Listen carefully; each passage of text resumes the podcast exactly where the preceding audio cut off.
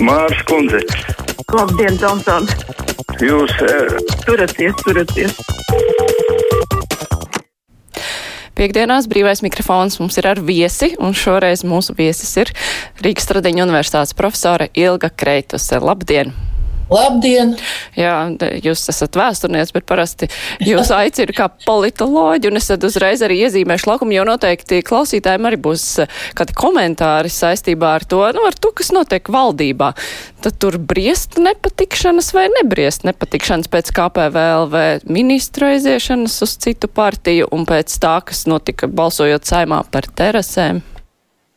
Es gribētu teikt, ka mēs esam visi šobrīd tādā mazliet pakārtā stāvoklī, jo tāda nesaprašanās starp valdību un parlamentu tas nav negadījums. Tā ir diezgan liela, nu, es negribētu teikt traģēdija, bet ļoti nepatīkama priekš valsts. It īpaši ņemot vērā to, ka pirms visiem balsojumiem parlamentā valdībā ir notikušas koalīcija diskusijas.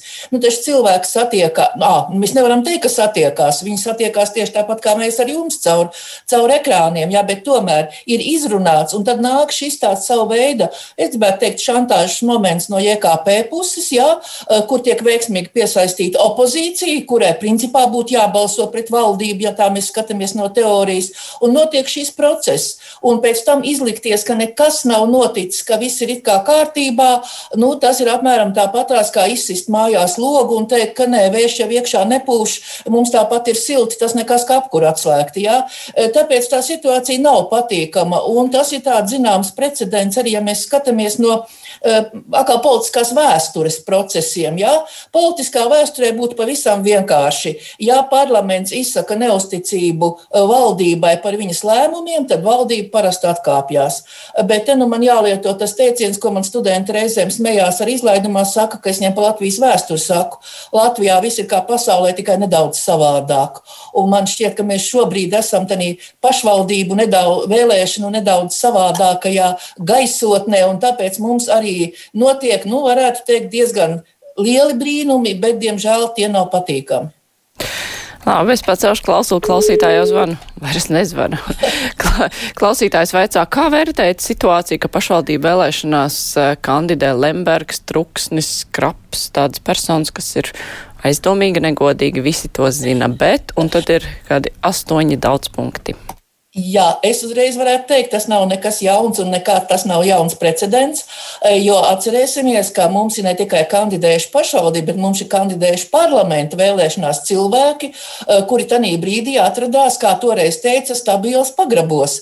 E, tas bija Alfrēds Rubiks, piektā saima, kad viņš kandidēja uz parlamentu, jo vēl nebija stājies spēkā notiesojošs spriedums, un viņš tika arī ievēlēts. Un piektā saima strādāja deviņu, tas ir 99 cilvēku sastāvā, jo Rubika kungs fiziski sēdēs nepiedalījās, un toreiz tāda zūma nebija, un līdz ar to arī šīs iespējas viņam nebija. E, es uzskatu, ka tas nav normāli, bet tāda ir Latvijas likumdošana, tāda ir Latvijas satversme, un valstī ir jādzīvo pēc tiem likumiem, kādi tajā brīdī ir spēkā un kādi darbojās. Klausītāja raksta cienu Kreitus skundzi, bet vai viņai nešķiet, ka ir moderni valdību lamāt un viss vienmēr slikti piekrītu par JKP, bet ticu un zinu, ka viss nav slikti un mums nav sliktākā valdība? Nē, es nesaku, ka viss ir slikti. Pasarg Dievs, ja viss būtu slikti, tad vispār tad mums nebūtu par ko runāt. Ir arī, arī labi procesi, kas notiek iekšienē. Es domāju, ka daudz pensionāri teiks paldies valdībai un pilnīgi pamatot par šo naudu, ko saņēma. Tikai žēl, ka mums neiznāk pensionāriem iedot vēl vairāk. Eh, runājot par to, arī, kas notiek ar izglītību, tur gan gribētos lielāku sakārtotību, eh, bet nepatīkami ir tā iekšējā savstarpējā plēšanās, kad tad, kad mēs lūdzam cilvēkus būt vienotiem, runājot par vakcināciju, par noteikumu ievērošanu, tad gribētos, lai valdība tomēr nav tāds diskusiju klubs, kurā notiek nepārtraukta iekšējā ķīvēšanās. Un otra lieta, latviešiem ir tāds teiciens, ka nevajag savus palagus publiski mazgāt. No nu, ja patiešām valdība nevar izķīvēties kaut kur virtuves pusē, ja? un tad atnāk cilvēkiem pateikt viedokli skaidru, gaišu, saprotam, kas mums jāievēro. Tāpēc noliegt pilnībā visu nevajag, bet nevajag arī veidot tādas krīzes situācijas, kas izraisa nu, tādas nepatīkamas mielas, kā saka, kā parasti, kad nosēžās, nosēžās dzērienu apakšā, jā, tāpat tās ir ar valdību, un, un noliegt un pateikt, ka nu, tagad visi ir jādzen, nezinu, uz kurieni, te viens otrs kolēģis izsakās ar kādu koku un uz kurieni jādzen, es tam negribētu piekrist tomēr, jo nevajag savu valsti tik ļoti noniecināt. Mums kaut kā, es teicu, latviešiem tas jau gandrīz vai kļuvis par tādu labo toni, e, nolamāt politiķus, nolamāt valdību un tad aizmirst to, ka mēs paši dzīvojam šīs valdības vadīti. Pacaušu klausuli, halo, atkal nepaspēju, bet mums ir divi telefoni, var pacelt ar otru. Labdien! Labdien! Paaicinājumu likvidēt ķīniešu enziņām piespiestais sots it kā adekvāts, bet tomēr ievēro samērīgumu principu, tad nē. Pēc liecāga evolūcijas tā saucamās visbagāko sodu saņēma Ansis Bēziņš, bet ne tie, kuri sekojot savu senču tikumiem, marodēja Latvijas balzām veikalu.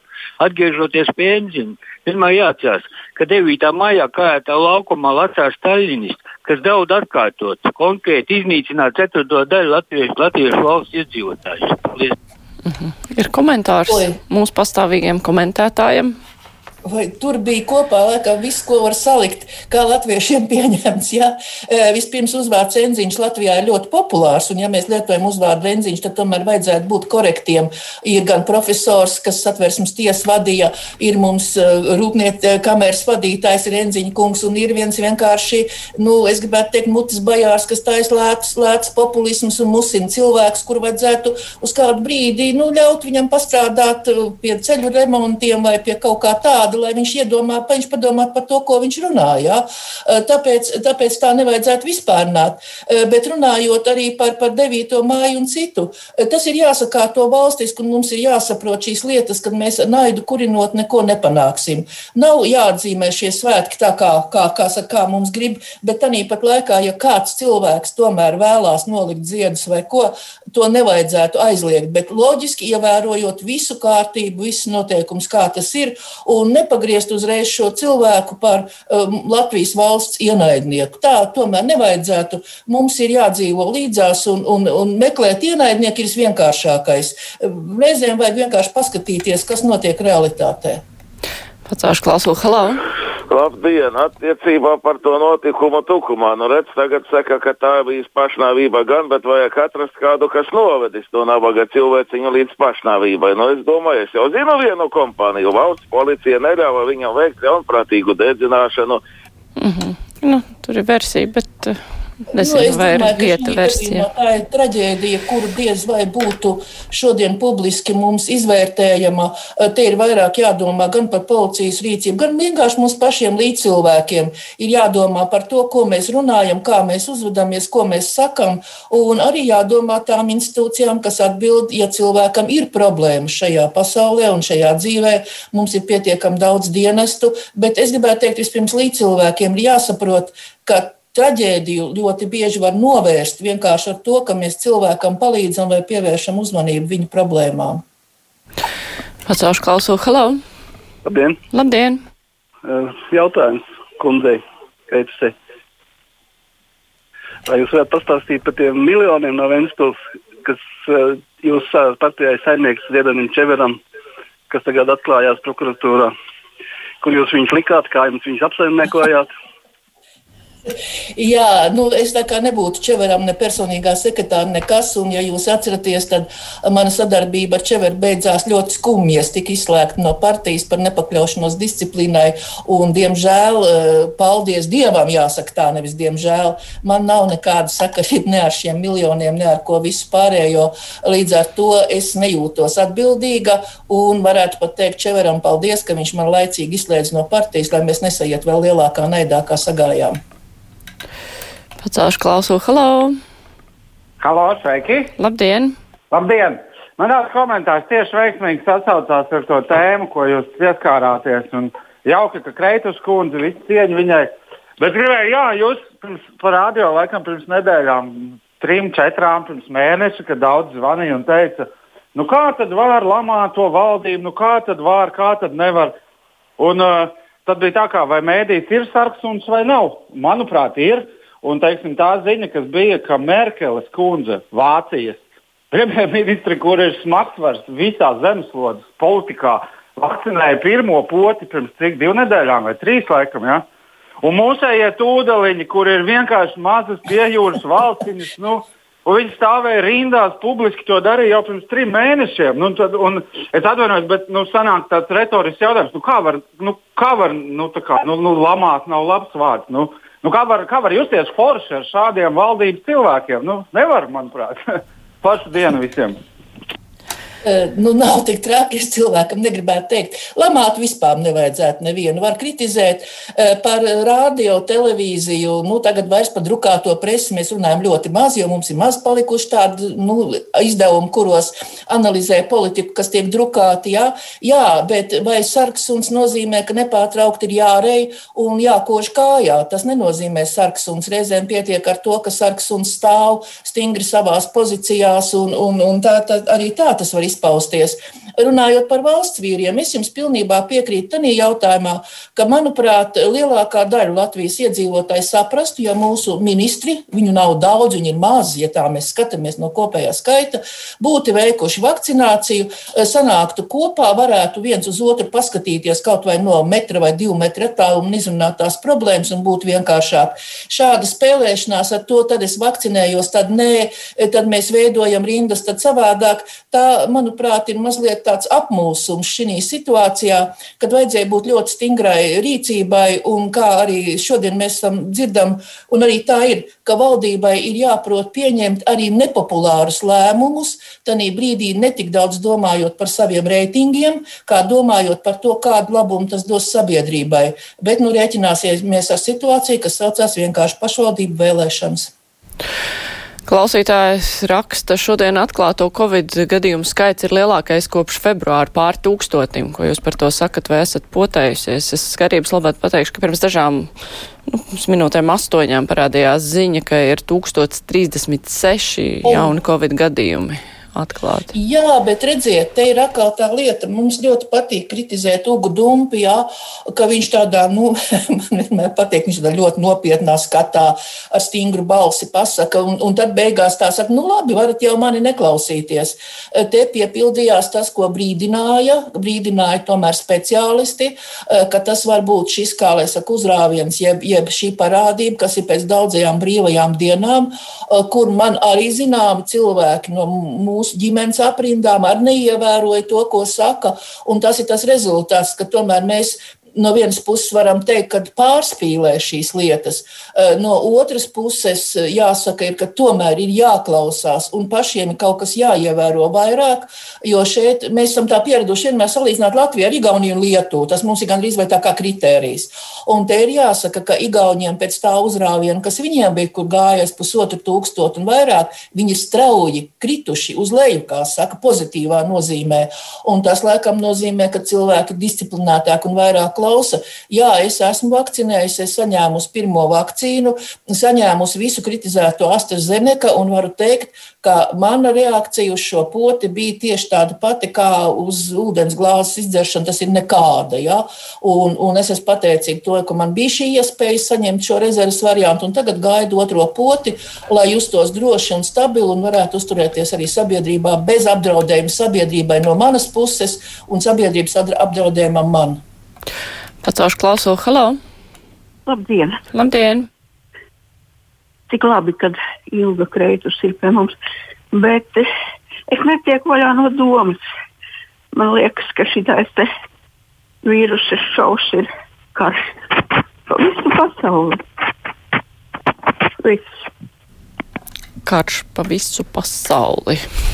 Jā, Redziet, mēs ilgu laiku, kas karš, aiz, nu, īstā kara, paldies Dievam, pagājis ļoti ilgs laiks, kad karoja visa pasaule. Un tas bija kaut kas drausmīgs, kas, es ceru, nekad cilvēks vēsturē neatkārtosies. Bet varbūt tagad mums ir šis iespējas, ka patiešām tas nozīmē 21. gadsimts, tā ir šī komunikācija, tā cilvēku pārvietošanās. Un tā nīpat laikā mēs varētu teikt, tas ir zināms pārbaudas mehānisms mums pašiem, cik mēs esam mobīli, cik mēs esam gatavi ievērot to, ko mums saka, un cik mēs esam gatavi uh, rīkoties krīzes situācijās, kas ir. Un šeit nu nav jautājums, es gribētu teikt, tā nevajag būt pesimistiem, nevajag domāt, ka tagad nu, mums Diemžēl nu, tagad tās tuvojās kaut kāds gals. Es domāju, ka ir jābūt optimistiem, ir jā, jādarbojas tā, kā tas ir, un jāveido situācijas, lai mēs varētu sadzīvot. To, ka Covid pazudīs mūžīgi mūžos, es neceru. Jā. Gripa tieši tāpatās. Mums ir uzliesmojumi, un gripa ir, un mēs esam pieraduši ar to dzīvot, un mēs zinām, kā rīkoties. Tāpat šī situācijā, un es vairāk gribētu teikt, ka vajag saglabāt šo optimismu un, un domu par to, kā dzīvot, kā veidot, kā vakcinēties, lai būtu šī aizsardzība. Un paskatīties ārā, pieņemsim, ka jauka šobrīd Latvijā dzied magnolijas, diskutoties uz augstu laiku. Ja? Tas ir kā tāds arī apliecinājums, ka dzīve turpinās, viss iet uz priekšu, un ka mēs nevaram tikai tā nolaist rokas un domāt, ka tagad nu, viss cauri, viss ir beidzies un sākusies kaut kāda nārpus kosmosa ienesta šausmīga krīze, e, un Zeme tiks iznīcināta. Pasarg Dievs, es domāju, ka šādas domas vajadzētu no sevis noteikti virzīt kaut kur projām. Katrā ziņā tas nav produktīvi. Es pacelšu klausuli. Halo! Labdien! Labdien! Kas attiecas par draudu izteikšanu, man personīgi policijas darbinieks ir atbildējis, kādi izteikti draudi, fiksēti, nefiksēti. Tas jau nav nekas. Tad, kad ir pārsistās lūpas un sākās šīs lietas, tad mēs ķeramies pie lietas. Tā kā tie draudi jau nu, tādu Latvijas likumu laikam ir, ka tev draudēt nodrošināt māju vai vēl kaut ko, ka tas viss tad neviens no viņiem pa pilnu teikšu tā apmēram. Paldies! Te es varētu kungam piekrist, ka mēs esam ļoti toleranti, eh, kamēr mums patiešām nepārsit galvu vai kaut ko neizdara vai kaut ko nenodedzina. Bet tas ir jautājums par to, kā mūsu iekšlietu sistēmā izprot cilvēku iekšējo aizsardzību valstī. Tomēr būtu jāieklausās šīs draudos un šīs izteikumos. Un cilvēks tas šodien ir ļoti viegli izsekot tam, kāda ir praktiskā darbība un kā tas notiek. Un es domāju, ka tā ir ļoti nopietna problēma, ko kungs tikko izvirzīja. Un ka to būtu vērts vērts arī saka, uzdot šo jautājumu, un arī ko varat, varat jūs šeit rādio, kad diskusijas ir, uzdot šo jautājumu iekšlietu ministram, un kāda ir viņa izpratne par to, kā rīkoties, un arī, es domāju, vēl viena institūcija tiesību sargam. Jo vai tas ir pārkāpums vai nav pārkāpums, ja man kaimiņš draud un saka, un es jūtos apdraudēts. Šeit nu, būtu šīm institūcijām jātiek skaidrībā, un man šķiet, ka jāpievērš daudz lielāka uzmanība. It īpaši pēc šāda precedenta, eh, kas ir noticis ar cilvēku bojāju. Paceļ klausulu, halo! Labdien! Labdien! Es uh, par to programmu vakar atvērtie faili uh, gribēju uzzināt par jūsu domas par to nastas schēmu darboņiem jā, ar, ar politiskajām partijām, ko tur varētu lietas labā darīt, cik viņas tur krimināla lieta ir slēgta. Kādas ir jūsu domas? Mēs ejāt vakar raidījumu. Nedzirdējāt vakar raidījumu? Nevarēšu komentēt, jo es neesmu iedziļinājusies šajos faktoros un, un runājot par krimināliem elementiem. Uh, Tur jau atkal ir jautājums par pierādījumu bāzi un par visu, kas notiek. Man šķiet, ka mēs esam tā mazliet nomierinājušies attiecībā uz partijām. Tanī jautājumā, kad arī prezidents saka, ka viss ir kārtībā, tagad valsts naudu piešķirta, naudas plūsmas var kontrolēt un tā kļūt mazākas. Es gan negribētu teikt, ka ar šo valsts naudas piešķiršanu partijām jautājums ir atrisināts, eh, jo partijas ir ļoti, nu, kā lai saka, eh, radošas un izdomas spējīgas, un naudas plūsmas tiek novirzītas savādākas. Tā kā šeit vēl ir ļoti daudz ko darīt valsts drošības eh, sistēmā, gan drošības dienestam, gan knābām, lai uzraudzītu šīs naudas plūsmas un kontrolētu to tālāko virzību. Bet par konkrēto raidījumu es, diemžēl, es neesmu redzējis, es nevarēšu komentēt. Klausītājs raksta, kāpēc pārsvarā visi domā, ka to, ka Latvija atteicās no Pfizer vakcīnām, nolabēja AstraZeneca. Ir taču kompānija, ir taču iespēja, ka to nolabēja Krievija, jo, ja vakcīna trūkta, iespēja bija, ka lēmta par spuķņiku iepirkumu, jāskata visi iespējamie varianti. mums tā vienmēr gribās, reizēm gribās pasmaidīt.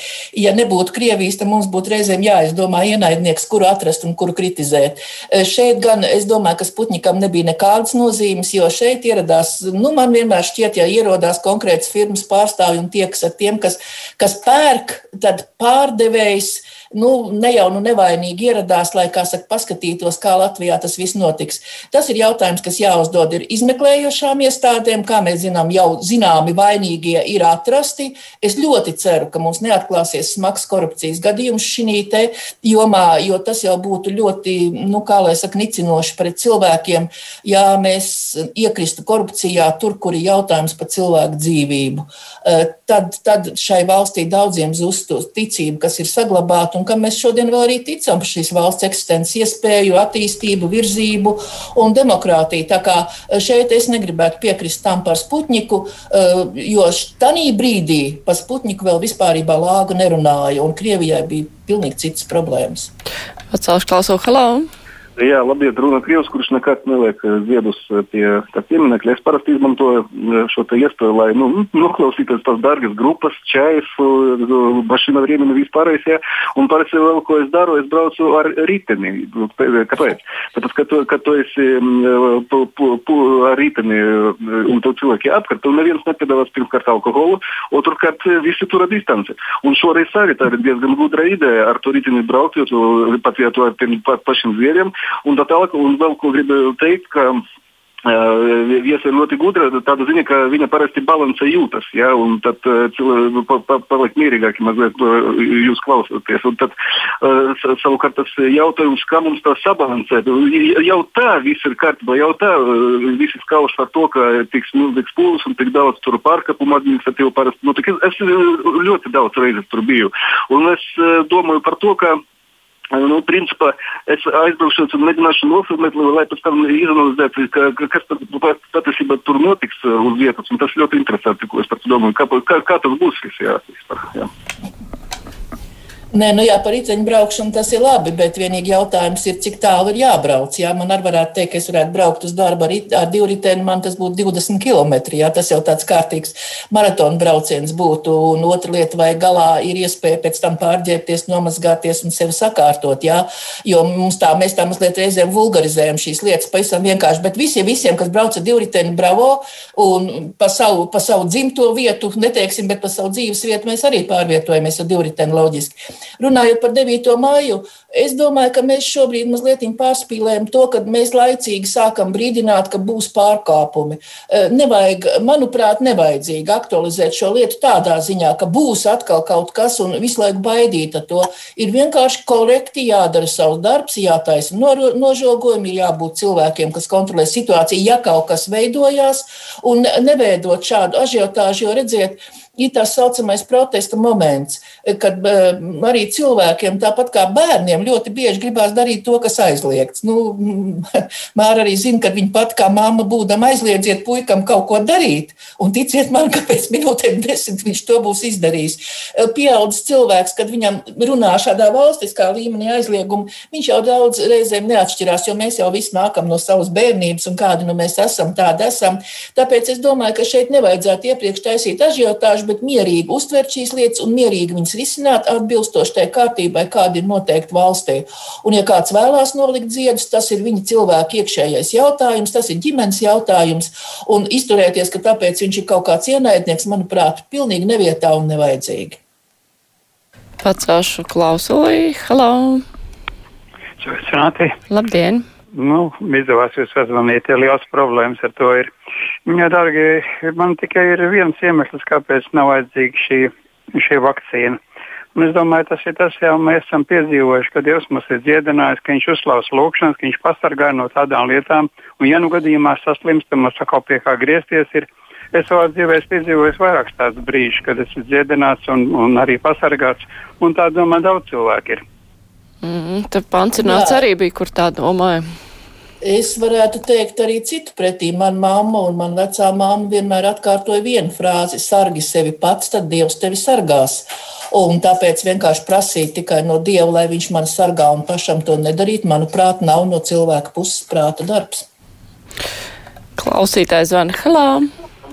Vai radio? Radio gan. Jūs esat ēterā arī. Labdien! Es, es gribu runāt sasāpēs jautājums par cilvēku beztiesīgumu Rīgā, kad šeit tik tiešām tik ļoti tagad cīnās atkal jau par apkurus nemaksāšanu, bet mēs esam izmocīti ar pārkurināšanu, visi logi visām mājām vaļā, un tagad, tagad jāmaksā ir īstais peļņas laiks Rīgas siltumam. Nu, es domāju, te ir Rīgas pašvaldība, ir Rīgas nama, ir māju pārvaldnieki. Mums ir iespēja cilvēkiem vienkārši, man gribētos aicināt cilvēkus ir ļoti labi piezvanīt uz rādio, un tā ir ļoti laba apņemšanās izteikt. Bet es tikpat gribētu aicināt, apvienojieties kopā un vērsieties pie tiem, kas realizē to, kas jums nav pieņemams. Un neliekiet viņiem mieru, jo man aizdomas, ka Latvijas rādio diez vai varēs atrisināt šo problēmu.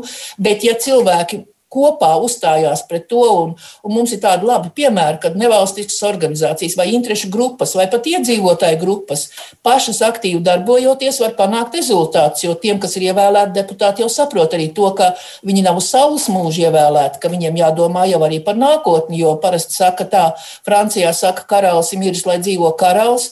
Mēs varam teikt, Latvijā vēlēšanas beigušās, lai dzīvo nākamās vēlēšanas un lai deputāti domā, kā panākt to, lai jūs viņiem viņiem turpināt uzticēties. Klausos ceļu, halo! Labdien, Latvija! Gunārs no Rīgas! Kreidus kundze, atbalstiet mani! Man ir priekšlikums, pirmkārt, lai saima visi vakcinējās un ķerās pie darba. Un nav ko nodarboties ar lūšu medībām vai laulības jautājumiem. Jāzina jautājums pirmkārt par OIK un par zāļu cenām tām zālēm, ko ražo pašu uh, fabrikas. Nevar te visu laiku pats zaņas tēlot un neko nedarīt. Es varētu tagad teikt vienā vārdā, kungs, es jūs atbalstu. Un tad mēs laikam nonākam pie tie, jo patiešām saimnes deputātiem, jo mēs sakām, viss sākās no galvas. Ja saimnes deputāti nevar atrisināt šo problēmu, tad ir tā. Un vakar klausoties, klausoties arī diskusiju Latvijas televīzijā mm, par zālēm un par šo te valsts kompensējumu zāļu jautājumu un tam līdzīgi, e, radās šī sajūta, ka mēs ar vakcīnu esam kaut ko mazliet pavirzījuši no aktualitātēm, kas ir ļoti nepieciešams ļoti nepieciešams. Bet lūši tādi smuki, man viņi patīk, man žēl, ka viņus visus izšaut. Klausītāji raksta, kāds var būt esot 11 tūkstoši brīvu vakcinēšanās vietu, bet, lai pierakstītos, jāgaida 50 minūtes. Nu, es domāju, ka tur vienkārši ka pirma, kad ir šis organizatoriskais darbs, ko diemžēl jāatzīst, kad vakcinācijas birojas nav sevi attaisnojis, viņa izveidošana nav sevi attaisnojusi, un tas zināmais haoss, kas ir iestājies starp mana vakcīna, 8, 9, 8, 9 ģimenes ārstiem un tam līdzīgi, man, man apzinām cilvēki sastapušies ar šīm lielajām problēmām. Es nezinu, manuprāt, tur jāuzņemās ministrijai atbildība, jāatbrīvojās no cilvēkiem, kas nespēja procesu organizēt organizēt. Un jāpieņem vienkārši loģistikas speciālisti, kas, manuprāt, to visu sakārtotu. Cilvēki, kam ir izglītība, kas zina, kā to dara, nu tad jau jāsaka tā, ja būtu tā, tāda nesaprašanās, tad jau mums veikalos arī preces nebūtu. Te vajadzīgi speciālisti, kas nodarbojas ar loģistiku, ar menedžmentu, un, un, un tā ir vienīgā problēma. Un es domāju, ka veselības ministrijai sen bija laiks to atrisināt, atbrīvojoties no vakcinācijas biroja tādā izpausmē, kādā viņš ir tagad. Klausītāja raksta, nav tā, ka mēs iedzīvotāji esam vainīgi pie tā, ka nevedas vakcinācija. Tiek stāstīts, ka mēs negribam vakcinēties, neierodamies uz sarunātu vakcināciju, negribam potēties ar konkrētu vakcīnu, bet tā nav tad, kad uz pierakstu un uz konkrētu laiku jāstāv lietu vairākas stundas, tāpēc, ka tur ir divreiz mazāk mediķi, kur vakcinēt. Tas nav normāli. Nu, šī vēstule var gan jāpaliek bez komentāra. Man jāsaka jums paldies. Brīvais mikrofons izskan šodien. Tas bija kopā ar Rīgas Stardiņu universitātes profesoru Ilgu Kreitusi. Paldies!